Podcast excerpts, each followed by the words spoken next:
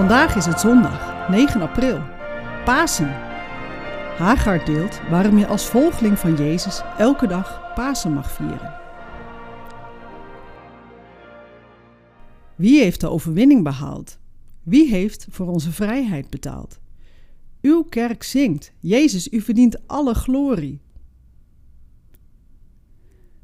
Al zeker drie weken zingt het refrein uit het prachtige lied Alle Glorie van Rijer rond in mijn hart.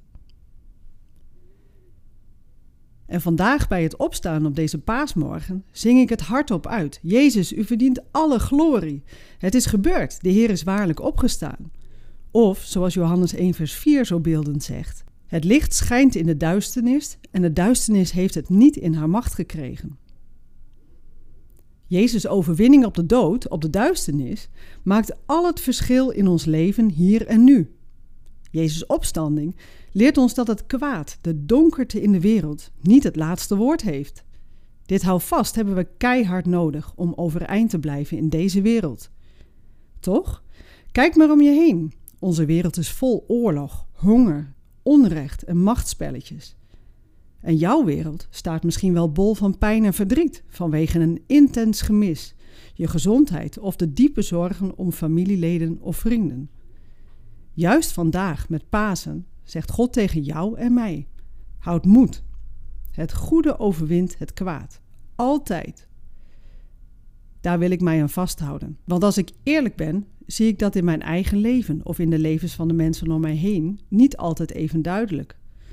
God in control, hij voelt soms eerder afwezig. Wat mij dan helpt is om even uit te zoomen, te kijken naar het grotere plaatje. Dan ervaar ik ineens heel sterk dat God wel degelijk in control is. God die liefde is. God die over zichzelf zegt: Ik ben en ik zal er zijn. Die dat bewees door zijn eigen zoon naar de aarde te sturen, de dood in, voor jou en mij.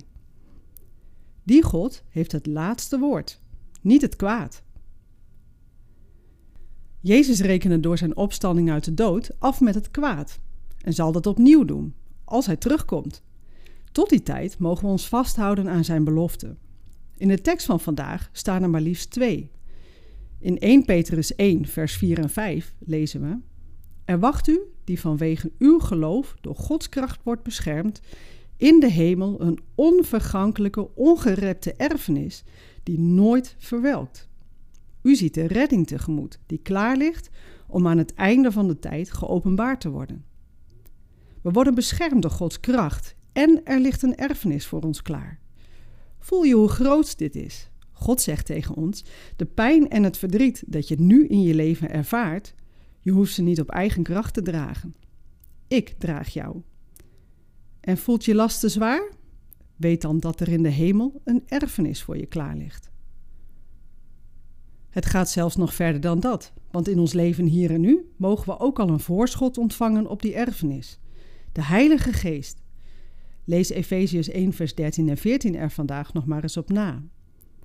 Daarmee is het niet alleen God met ons, maar ook God in ons.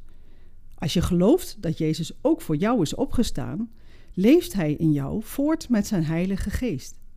En kun je dus eigenlijk elke dag Pasen vieren. Geen dood, maar leven. Zoals Jezus zelf treffend zegt in Johannes 8, vers 12: Ik ben het licht voor de wereld. Wie mij volgt, loopt nooit meer in de duisternis, maar heeft licht dat leven geeft. Wat een glorieuze boodschap is dat. Vrolijk Pasen.